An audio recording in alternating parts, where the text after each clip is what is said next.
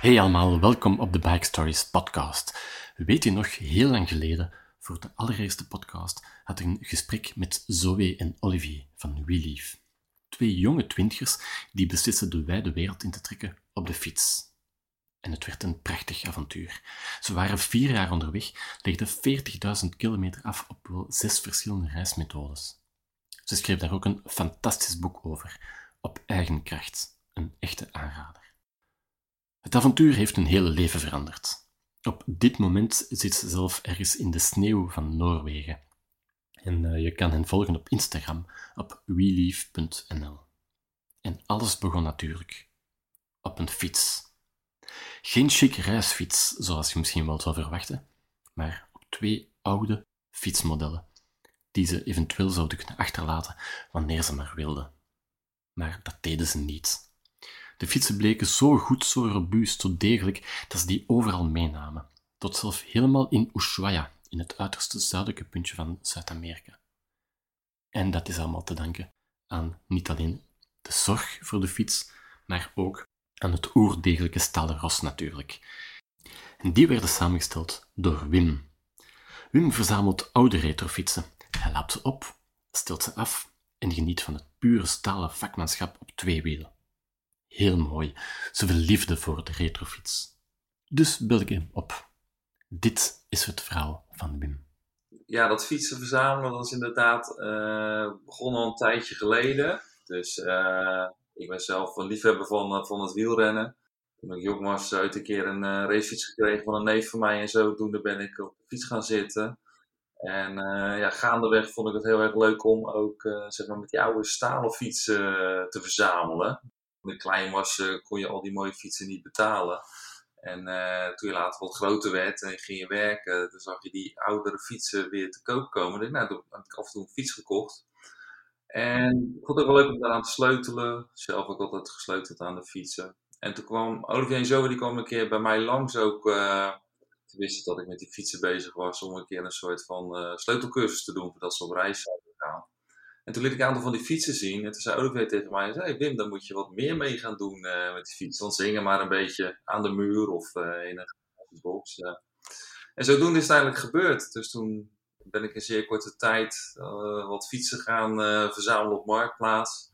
En uh, nou, dat, dat ging van al redelijk mooie exemplaren tot wel echt hele oude exemplaren. En die mm -hmm. ben ik weer rijdend gaan maken. En mijn vrouw was in eerste instantie bang dat ik ze nooit meer weg zou doen. dus meestal uit de hand lopen bij mij. En doe je ze ook weg? Ja, dat is uiteindelijk ook uh, wel gebeurd hoor. Dus met, uh, af en toe met spijt uh, heb ik dan weer een fiets weggedaan. Dat was voor mijn vrouw ook wel een teken van, nou, hij kan er ook wel afstand van doen. Maar toen okay. heb ik in korte tijd, in twee jaar tijd, heb ik volgens mij 100 racefietsen verzameld en ook wel weer weggedaan. Meestal heb ik er nu nog een stuk of 30 heb ik er staan. Ja, en het gaat dus om een specifieke fiets. Het gaat om retrofietsen, stalen retrofietsen. Ja, dus uh, inderdaad, uh, ik ben wel gecharmeerd van uh, de oudere fietsen. Dus echt inderdaad mm -hmm. de stalen retro fietsen. En, en wat moet ik daar juist onder verstaan, retro? Is dat een bepaalde definitie, is een bepaalde leeftijd van die fietsen? Of? Ja, het is, op een gegeven moment kwamen er aluminiumfietsen kwamen in zwang. Dat is ergens een beetje eind jaren 80, begin jaren 90. Nou, rond jaren 90 had je ook nog wel stalen fietsen. En nu natuurlijk carbonfietsen. Ja, die, die retrofietsen zijn allemaal wel jaren 70, 80, begin jaren 90.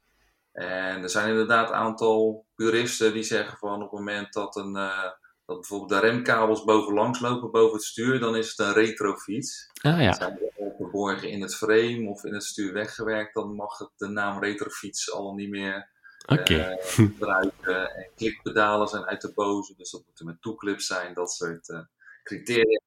Maar ik ben daar niet zo streng in hoor, voor mezelf. En voor jou is dan wel de, de look en het materiaal ook. Het, het moeten echt wel stalen fietsen zijn. Ja, ik vind dat inderdaad. Uh, vroeger zag ik al die folders te bekijken en ik zei, nou, daar kon je lekker mooi aan poetsen. Dat gaat mooi glimmen als je dat staal oppoetst. Uh, chrome voorvorkjes, achtervorkjes, de aluminiumvelgen die je heel mooi kunt uh, laten blinken. Dat, de, ja, dat vond ik als, als kleine jongen vond ik dat schitterend. En nu nog steeds eigenlijk, dus zodoende. En... Waar is het precies begonnen? Kan je dat ergens kaderen? Je was als kleine jongen al gefascineerd door die, die fietsen, en dat is gebleven. En kan je daar ergens een, een oermodel op plakken, of zo, de eerste fiets waarop je verliefd werd? Ja, dat was uh, de eerste fiets die ik toen kreeg, was van een neef van mij. En dat was een merkloze fiets. Uh, en die, ik weet nog dat mijn oma, die had een pot uh, goudkleurig verf staan. Dus die heb ik goud geverfd. Hm. Dat was mijn eerste racefiets. En daarna ben ik gaan sparen voor een wat betere racefiets. Dat was dan een, een Batavus, echt het, ja, het instapmodel toen de tijd. En daarna had ik een Gezelle. Uh, dat was al een moderne fiets. Uh, of een Peugeot heb ik nog gehad en een Gezelle. Okay. En daarna ben ik wel overgestapt ook zelf op aluminium en carbon fietsen. Maar die liefhebberij en die liefde voor dat staal, dat bleef wel bestaan. Dus toen ik later gewoon wat, uh, ging werken en wat meer geld had, kocht ik af en toe dan zo'n stalen racefiets dat die voorbij is gekomen. Ik dacht, hé, hey, dat is wel een mooie fiets. Mm -hmm. ja, meer gewoon om, meer om naar te kijken en af en toe eens op de dan uh, verder wat mee te doen. En, en zijn die fietsen dan, daar kan je perfect mee rijden ook? Of zijn het ook oude fietsen bijvoorbeeld die jij terug oplapt? Nee, op, uh, ja, het verschilt. Sommige fietsen zijn er gewoon een soort van op slopershoogte. Dus uh, daar moet je nog van alles aan verbeteren. Het liefst zo origineel mogelijk terugmaken. Maar ja, er zijn ook heel veel fietsen die zijn gewoon wel redelijk goed. En op die stalen fietsen konden ze vroeger natuurlijk ook gewoon Tour de France uh, rijden. Dus uh, dat kon nu nog steeds. Uh, Er is niks mis met de fietsen. Ik denk dat ze bij valpartijen langer heel blijven dan de huidige carbonfietsen. Dus, het zijn heel stevige fietsen. Ja, en ja, ik, ik vind het wel wat hebben, dat, dat, oude, dat oude materiaal. Als je die oude fiets vergelijkt met, met nieuwe fietsen, uiteraard, de materialen zijn allemaal veranderd. de fietsen zijn veel lichter. Is dat noodzakelijk een goede evolutie? Of voel je ook dat er heel veel mensen teruggrijpen naar, naar oude retrofietsen? Misschien wel voor de nostalgie die daaraan hangt. Ja, ik denk wel met name inderdaad vanuit de nostalgie. Ik zie wel dat in de grote steden uh, zijn oude stalen racefietsen zijn wel hip en trendy. Uh, het retro gebeuren, dat, dat leeft gewoon wel. Uh, een beetje simplistisch. en ze zijn ook ontzettend goed betaalbaar en er is verder niks okay. mis mee. En ja, natuurlijk, ze zijn qua techniek en gewicht uh, anders dan de huidige fietsen. Maar ja, vroeger konden ze ook uh, hard fietsen op dat soort fietsen. Dus, uh, maar ja, het is wel, als je echt nu wel in het huidige profpeloton zou je denk ik met zo'n stalen racefiets ja, best wel mee kunnen komen. Maar ja, ik denk wel dat je uiteindelijk wel de verschillen gaat merken. En al die onderdelen ook, vind je die dan ook? Ja, dat is wel uh, dat is op zich wel, wel wat lastig. Dus je hebt wel uh, op Marktplaats bijvoorbeeld in Nederland, uh, waarin je dat soort zaken nog wel tegenkomt. Er zijn Facebookgroepen waarin allemaal van dat soort liefhebbers zich verzamelen en heel veel kennis en informatie uitwisselen en ook onderdelen met elkaar uitwisselen. Mm -hmm. En er zijn retrobeurzen, vaak in België ook en ook wel in Nederland, waarin ja, al de, de, de, liefhebbers van, het, van de oude stalen fiets zeg maar, bij elkaar komen om uh, ja, onderdelen uit te wisselen. Ja, ja, dus er bestaat wel een, een grote community in, in Nederland en in België, specifiek van die stalen retrofietsen. Ja, zeker in de Benelux. Uh, daar hebben we natuurlijk wel een oude wielerhistorie en ook in Frankrijk. Uh, dus die onderdelen zijn nog best wel veel beschikbaar. En ook, die waren toen natuurlijk al van ontzettend goede kwaliteit. Dus ja, de, de, ook wel aardig toepasbaar ook op verschillende soorten fietsen. Dus uh, ja, die zijn uh, allemaal nog wel beschikbaar. Je moet wel wat zoeken, je moet een beetje de weg weten, maar uh, er is nog genoeg. Oké, okay. en heb je dan bepaalde collectors items dat je zegt van, oh, ik moet dat fietsmodel vinden of die onderdelen? Of heb je bijvoorbeeld bepaalde zaken die echt gehyped zijn, die je heel graag hebt als, gewoon als liefhebber? Ja, er zijn wel bepaalde modellen of merken, bepaalde Italiaanse merken. Sommige mensen zijn gewoon fan van de Italiaanse fiets. Uh, of van de Italiaanse onderdelen. Je hebt een beetje Campagnolo was vroeger wel het merk en nu ook nog wel hoor. En daarna kwam Shimano. Uh, uh, ik weet eigenlijk niet, dat is geen reclame hoor, maar dat zijn wel, ja, daar heb je mensen van, die zijn er liefhebbers van. En daarna zijn er ook wel uh, bepaalde jubileumuitgaven van fietsen en ook van onderdelengroepen. Als zo'n merk dan 50 jaar of 80 jaar bestaat, Dan wordt er in bepaalde oplagen worden dat soort materialen uitgegeven. In speciale mm boxen. Dus ja, die zijn wel zeldzaam en geliefd. Hè? Dus als je die tegenkomt, dan zie je wel al de liefhebbers, zeg maar, ja, die beginnen wel te kwispelen. Die vinden dat mooi. En dan begint het, uh, het opbieden of uh, dat, uh, en, en heb je zo van die bijzondere modellen staan bij jou thuis of op de kop kunnen tikken? Ja, niet te veel. Ik heb wel één keer geluk gehad met een fiets waar inderdaad zo'n jubileumgroep op zat. 50-jarig jubileum van Campiolo. En dat zijn wel, die, die er zijn er volgens mij 2000 van gemaakt. nee, nee, wel meer meen ik. Maar nou, er zijn er, nee, er zijn er wel meer van gemaakt. 10.000 geloof ik misschien wel. maar toch een beperkte oplage. Dat zijn wel uh, collectors items. Dus daar moet je echt wel geluk mee hebben dat je dat op een fiets tegenkomt of dat je dat uh, te koop wordt aangeboden. En hetzelfde geldt ook voor uh, zeg maar de oude gereedschappen uit die tijd. Daar zijn mm -hmm. ook gereedschapboxen van. Die kun je ook verzamelen en compleet maken. En ja, dat is ook nog een, een, droom van mij of een wens van mij om ook nog eens een keer zo'n gereedschapbox met al die oude gereedschappen voor die stalen frames, om die ook nog een keer bij elkaar te verzamelen of compleet te krijgen. Daar heb ik nu nog niks van. Dus, uh... Dat is een mooie ambitie alvast. Ja, zeker. En dus die mooie fiets, ik neem aan dat die ergens een, een mooi plaatje krijgt misschien, of um, die doe je sowieso niet weg?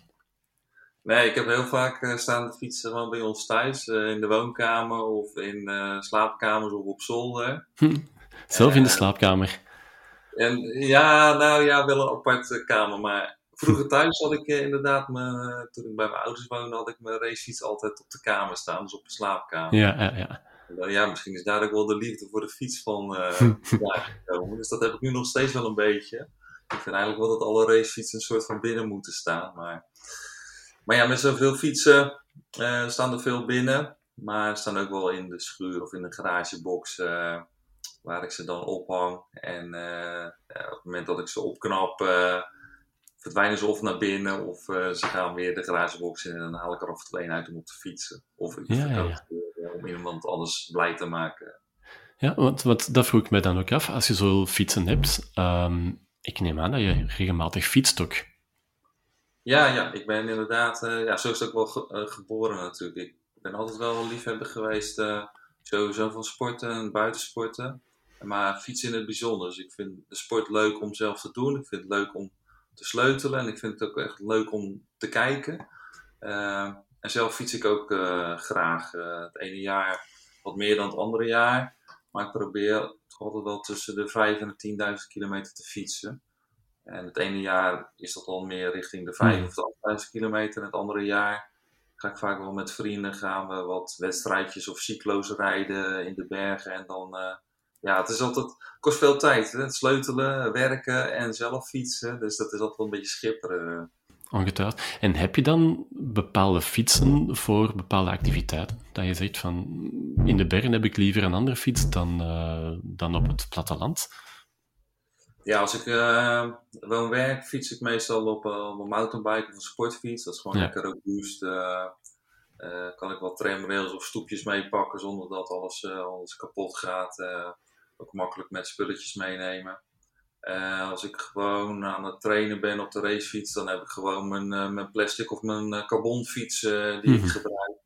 En de retrofietsen, dat zijn meer echt wel voor de pleziertochtjes. of dat ik het af en toe leuk vind om met een groepje mee te rijden. En dan op mijn stalen racefietsje lekker achter in het wiel te hangen. En dan na afloop te zeggen, ja, op die 40 jaar oude racefiets hm. kan ik jullie toch maar mooi bijhouden, weet je. Maar dat is meer voor fun hoor. Ja. En, en jij bent dan wel de enige die op een retrofiets in de groep, uh, in de groep zit?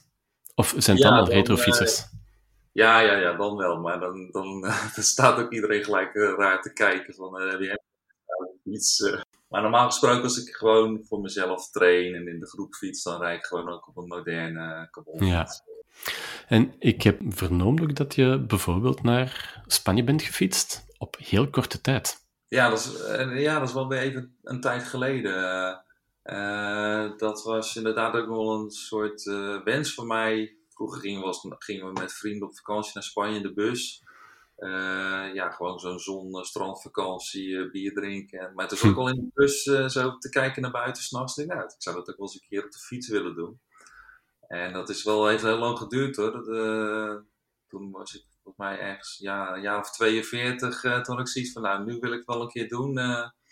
en toen ben ik inderdaad in 12 dagen ben ik richting Barcelona gefietst. Via zoveel mogelijk verkeersluwe wegen. Dus mm -hmm. heel veel off-road op een mountainbike met een karretje erachter. Maar wel flinke dagafstanden. Ja. Gemiddeld 160 kilometer per dag met allerlei bagage erbij. Dat is pittig, ja. Ja, en dan uh, met dikke banden. En, ja. Dus, maar ja, dat was inderdaad was een mooi avontuur. en ik had ook nog nooit gekampeerd, dus alles was nieuw voor mij de eerste dagen uh, een beetje klooien om je tent op te zetten. maar, ja, op een gegeven moment word je, en ik sliep ook niet zo, die eerste twee nachten sliep ik niet goed, maar je wordt vanzelf ontzettend moe. Dus, uh, ja, vanzelf. Ja, ik was echt, uh, werd ik helemaal ontspannen in mijn tentje. En, en deed je dat dan alleen of was het in een groep samen met andere fietsers? Ja, ik zou met een vriend van mij zou ik dat doen. Toen had ik wel een keer een vierdaagse generale repetitie gedaan, door Nederland en België. Ook elke dag 150 kilometer. En hij vond dat, het avontuur wel leuk, maar het fietsen zelf, zeker als het bergop ging, uh, dat vond hij toch uiteindelijk wat minder. Het is ook wel gewoon afzien. Dus toen is hij afgehaakt. En toen zei ik, nou, ik ga dan gewoon alleen het jaar erop. Okay. En toen zijn de eerste drie dagen nog een, een collega van mij meegefietst en een vriend van mij die zijn nog meegefietst. En die andere uh, negen dagen ben ik verder alleen verder gegaan. Ja. En ja, het is allebei leuk. gezelschap is leuk, maar het is ook wel leuk om alleen te gaan. mensen, je hebt toch wel wat sneller contact omdat je alleen bent. Mm -hmm. Mensen zijn ontzettend nieuwsgierig waar je vandaan komt en waar je naartoe gaat. Dus. En sowieso, ja, Reizen op de fiets, uh, je komt sneller in contact met mensen. In de auto ja. bijvoorbeeld is het heel, ben je heel afgesloten, maar ik denk als iemand je s'avonds ziet uh, aankomen op een camping of iemand met de fiets heeft altijd een avontuur. Ja, dat klopt ja. Dus uh, je, je, raakt altijd in contact en een praatje van, over je reis. En ja, kom ik wel eens mensen tegen toen ik op die route was naar naar Spanje, die, die waren ook Nederlanders dan, die waren al acht dagen onderweg. Ik zei, nou, ik ben al vier dagen onderweg, dus dan, dan heb je hier ja, een heel ander reisritme. Ja, ja. is het fietsen was ook al uh, de belevenis aan zich. Uh, maar het is, het, ja, het is een, ik vind het een hele prettige manier van reizen. Het gaat net langzaam genoeg om de verschillen in de natuur of de omgeving uh, mee te krijgen. Je hoort de geluiden veranderen. en ook weer net snel genoeg om toch wel wat afstanden te kunnen ja. op een dag. Uh, ja, want 160 kilometer per dag, dat is al een ja, ja, ja, ja, voor het mooie is het te veel. Dan, dan zou ik eigenlijk aanbevelen om niet meer dan 100 kilometer te doen, mm -hmm. of 80 of zo. Dan, dan blijft het ook nog leuk en heb je ook nog tijd om dingen te bezichtigen en eventjes een uurtje of twee uurtjes te rusten of te pakken. En, ja met 150 per dag is gewoon wel werken. Het zit gewoon 8 tot 10 uur per dag op de fiets. En uh, uh, je staat om 7 uur s ochtends op en je zit op de fiets en je komt om 7 of 8 uur s'avonds pas weer aan. En dan uh, nog eten, tentje opzetten. Dus echt gewoon, waren volle dagen. Ja, ah, ja, heel volle dagen zelf. Ja. Um, voor zo'n avontuur denk ik ook wel, ja, je moet iets kennen van je fiets. Dat is um, bij jou natuurlijk geen probleem. Neem je daar bepaalde fietsonderdelen extra? Stel dat je problemen hebt. Ja, op zich, uh, ik had inderdaad wel, ik had wel veel te veel bij me. Dus uh, buitenband, uh, reserve buitenband, binnenbanden, gereedschap zelfs om ketting te wisselen en tandwielen, waar je dat eigenlijk niet nodig hebt voor, voor 12 dagen en die afstanden. Mm -hmm. en wat heb je wel nodig? Ja, op zich heb je niet zo heel veel materiaal nodig onderweg. dus met wat reserve binnenbanden, wat olie om af en toe je ketting schoon te maken of weer in te vetten. Misschien wat om spaken te vervangen, maar ook dat, ja, als je een, een korte tocht maakt van een, één week of twee weken, heb je dat waarschijnlijk ook niet nodig. En uh, je kunt wel van alles gaan meenemen, maar je weet toch nooit precies wat er stuk gaat en wat je nodig hebt. maar ja, ga je heel lang op pad, ja, dan kun je wat meer. Dan neem je iets van mee. Een beetje kettingsmeer, een extra binnenband. Ja, pompje. Ja, dan, dan is wel genoeg, denk ik. Uh, het hangt ook natuurlijk wel vanaf in welke omgeving je gaat fietsen. Als je in gebieden zit waar helemaal niets is, dan moet je gewoon veel meer zelfredzaam zijn. dus ja, dan een kettingponsje of een paar kettingschakeltjes reserve. dat kan er geen kwaad. Een aantal spaken had ik ook wel bij me, weet ik. Ja, dit heb ik niet nodig gehad. Maar... Ja. ja. En ja, als we teruggaan, je repareert fietsen. Je stelt fietsen samen, je repareert ook. ben je fietsenmaker? Of kunnen mensen bij jou komen aankloppen om hun uh, stalen fiets te, te, te, repareren? Ja, die vraag kreeg ik wel eens. Van, als ik dan zo'n fiets bij uh, afneem, kan je me dan ook onderhoud doen? Dus ja, dan, wordt het, dan lijkt het, begint wel op werk te lijken. Hè? Want dan moet dan natuurlijk iets stuk en dan moet het snel gebeuren. Dus dat doe ik niet hoor. Ik vind het altijd wel leuk om voor vrienden, als ze ergens mee zitten, om ze dan te helpen en, en een fiets te maken. Maar om dat echt dan, zeg maar, op aanvraag te gaan doen dat niet. Uh, dan, dan, ja, dan ik moet het wel lekker op mijn eigen tempo kunnen doen wanneer ik zelf mm. daar zin in heb. Uh, dat, dat bepaalt voor mij of iets hobby is of dat het op werk gaat lijken. Ja, dus, ja. En het moet ook leuk blijven natuurlijk, hè? Ja, precies. Uh, en dat, dat is juist het vrijblijvende doen wanneer je er zelf zin in hebt. En uh, ook eens een keer, ik heb ook een hele periode, nu ook een tijd dat ik al een hele tijd niet sleutel, uh, omdat ik het druk heb met, uh, met werk. Of nou, we, zijn nu, we gaan binnenkort verhuizen, dus ja, er komt er ook eventjes een tijd niks van. -hmm. Maar je helpt wel mensen, hè? zoals bijvoorbeeld zo in Olivier. Ik denk dat het de allereerste aflevering was van deze podcast. Toen hadden we een gesprek met Zoe en Olivier, die dan een gigantisch avontuur hebben Twee jonge twintigers toen, die dan vier jaar onderweg zijn geweest, op eigen kracht een, uh, heel de wereld hebben verkend. Ja. En ik herinner me nog dat Zoe vertelde van, liever niet met de fiets. En Olivier zegt, oh ja, maar ik wil wel met fietsen. En zij zegt eigenlijk niet zo zitten. Ja. En uiteindelijk hadden ze dan gezegd van, kijk, we gaan geen dure fiets kopen. We gaan gewoon een, met een oude fiets en dan zien we wel of we het leuk vinden. Dat is gebleken natuurlijk. Maar hoe kwam ze precies bij jou terecht? Ja, ik denk, ja, ik ken Olivier van het werk. We zijn collega's, we waren collega's. En uh, we hadden goede, nou, we konden leuk samenwerken. We hadden gewoon een leuke klik buiten het werk. Dus uh, interesse in sport, uh, schaatsen, fietsen, het buitenleven, zeg maar. En zodoende, ja, begon ik, heb ik hem ook wel eens verteld over mijn fietsvakantie toen naar Spanje en over de manier van reizen. En hij deed zelf ook al van heel veel avontuurlijke dingen, wandelend uh, of met de trein, met zo. Uh. Maar ja, zo kwam dat er wel een beetje dat ik misschien een soort van enthousiast heb gemaakt om met de fiets op pad te gaan. Hmm. En, uh, ja, en zo die al gaandeweg is ze daar ook enthousiast om geraakt. Maar ik had nooit gedacht toen ze die fietsen kochten, hè, want ik weet nog dat het waren echt oude stalen fietsen ook, dat ze zo ver daarmee zouden geraken. ik denk, nou ja, uh, het kan allemaal wel, hè, want uh, ik geloof echt wel in, dat, in de kwaliteit van het materiaal. Maar uh, ik denk nou, als ze dan ergens in Zuid-Europa komen, dan is het misschien wel toch wel de boel dusdanig op of versleten dat ze een andere mm -hmm. zijn. Maar ze hebben er volgens mij meer dan 40.000 kilometer uiteindelijk mee de wereld rondgereisd op onmogelijke plaatsen waar die fiets eigenlijk totaal niet geschikt voor is. Maar het is er toch allemaal gelukt. Dat, is dan toch wel promotie voor de, de kwaliteit van zo'n oude fietsen. Ja, nee, dat is ook zo. Het is op zich uh, onverwoestbaar en ook heel erg goed herstelbaar als, uh, als er iets misgaat.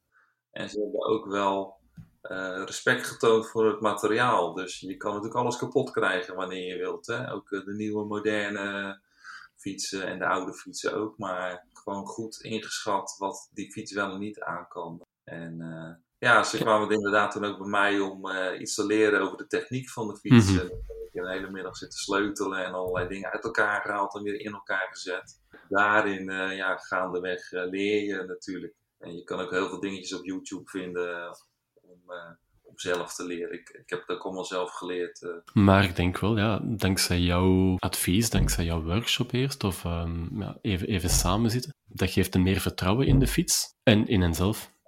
Ja, ja, dat is wel op het moment dat je weet van hé, als er een spaak kapot gaat of ik krijg een slag in mijn wiel uh, of uh, uh, mijn wiellagers beginnen aan te lopen, dat je in ieder geval wel weet hoe je iets al dan niet professorisch kan repareren. En dat je in ieder geval weer verder kunt of een, een, een fietsmaker kunt bereiken die het dan definitief kunt herstellen. zit je inderdaad wel meer relaxed op de fiets. En stel dat ik zelf nu zo'n uh, zo'n retrofiets zou willen kopen, waarop zou ik moeten letten? Um, ik zou het doen omdat het zo mooi is, maar zijn er bepaalde zaken waar ik echt op zou moeten letten? Mm, ja, je moet, uh, ja, als je zo'n fiets koopt, uh, heel vaak kun je bijvoorbeeld, als ik op Marktplaats kijk, kun je aan de foto's wel zien of zo'n fiets zeg maar helemaal uitgewoond is. Echt dat uh, aan de hand van hoe dat frame eruit ziet met roest of de onderdelen. Kun je wel een beetje, of de tandwielen heel puntig zijn, dan kun je wel een beetje inschatting maken of zo'n fiets echt wel helemaal versleten is, of er veel aan moet gebeuren, of dat het nog redelijk goed is. Uh, en verder, uh, ja, op het moment dat je dan erbij staat bij zo'n fiets, ja, controleren op speling, de, de, wielen, de naven, of daar beweging in zit en de remmen of de, de lagers van het stuur of van, bij de trappers. Dat soort dingen kun je allemaal wel voelen uh, door daaraan te bewegen. Uh, natuurlijk erop te rijden en luisteren hoe iets klinkt. Hoor je allerlei kraakjes en rammeltjes.